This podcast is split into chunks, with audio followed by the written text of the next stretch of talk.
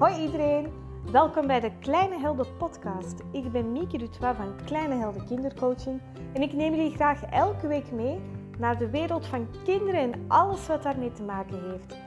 Ik kijk er alvast naar uit. Geniet ervan. Have fun!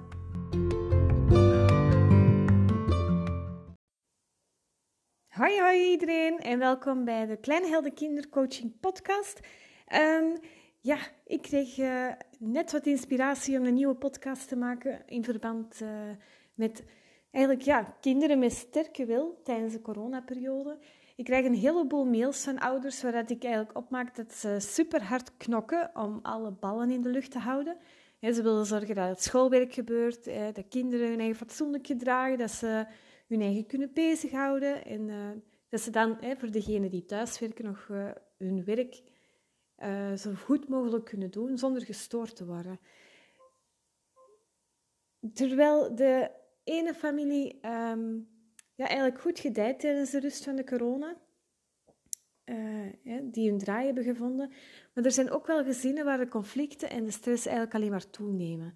Ik krijg er een heleboel mails over, over uh, ouders die blijven strijden met hun kinderen, dat het ook erger wordt met de dag.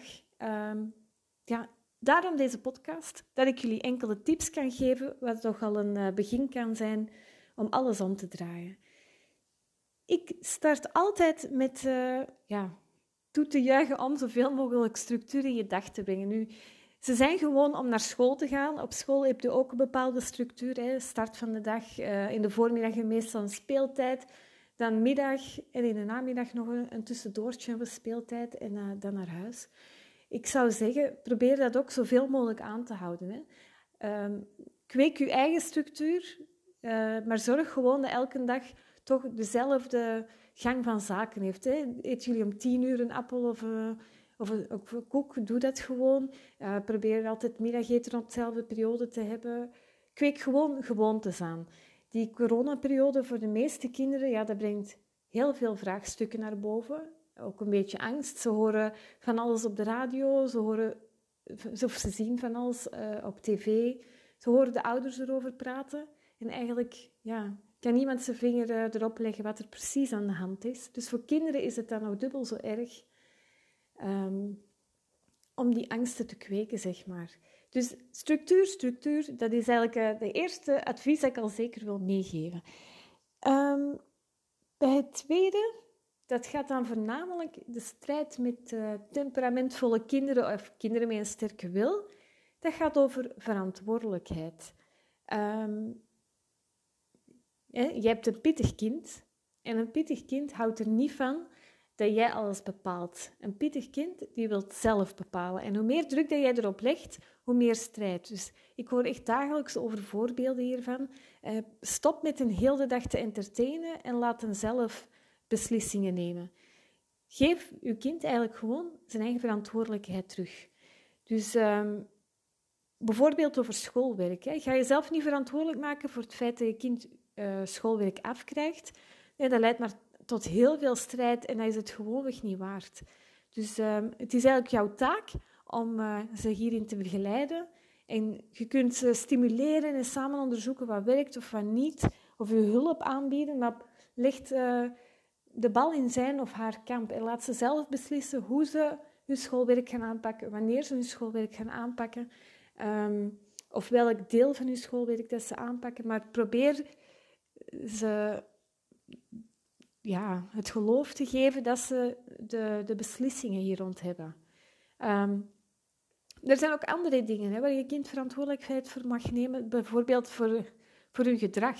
Dus hè, probeer uh, af te spreken. We zorgen er samen voor dat de sfeer goed blijft. Het is niet alleen de verantwoordelijkheid van mama of papa of dat alles goed gaat, maar probeer ze daar echt bij te betrekken. Dus niet meer constant bezig zijn om alles te sturen, maar ja, laat ze ervoor zorgen dat het beste in hun naar boven komt. Hè? Dat ze ja, er mee aan deelnemen, zeg maar, om ervoor te zorgen dat het een leuke dag wordt. Door, spreek ze gewoon aan op dat deel in hun dat het goed wil doen.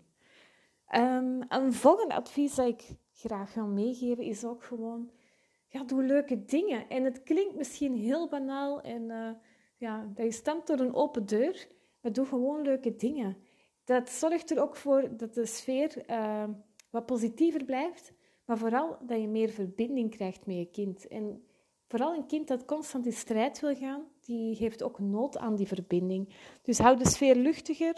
Uh, als er zich al iets voordoet, probeer het dan uh, ja, een beetje met een grapje te doen in plaats van altijd hè, uh, kordaat te zijn of altijd te willen roepen op je kind. Probeer het gewoon allemaal wat fijner aan te pakken. En je zal zien dat de responsen dan ook helemaal anders zijn dan dat je altijd heel uh, strikt en kordaat en boos bent.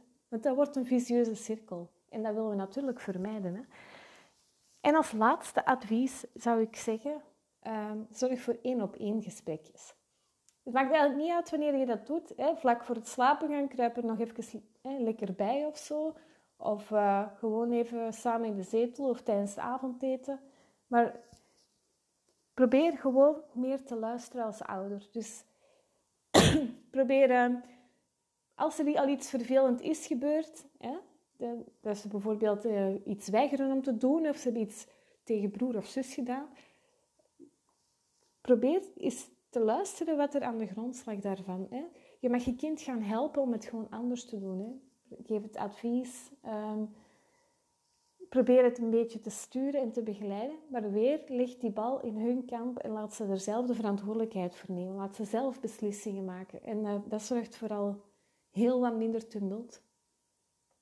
Kortom, als je nu de ommezwaai maakt naar een andere benadering van je kind, dan wordt de sfeer ook prettiger naar gelang de omstandigheden. We weten ook niet hoe lang dit allemaal nog zal duren. Hoe dat alles terug, uh, het leven weer al, allemaal op gang begint te trekken. Maar op deze manier hou je het iets gezelliger in huis. Moest je ook nog vragen hebben, wil je nog andere tips, dan ben je ook altijd welkom bij mij. Je mag bellen, je mag mailen. Uh, neem ook een kijkje op mijn website, die is volledig vernieuwd, want ik had ook wat meer tijd om handen de laatste tijd. Dus uh, je bent welkom. Uh, ik wil jullie alvast graag bedanken om te luisteren naar de podcast.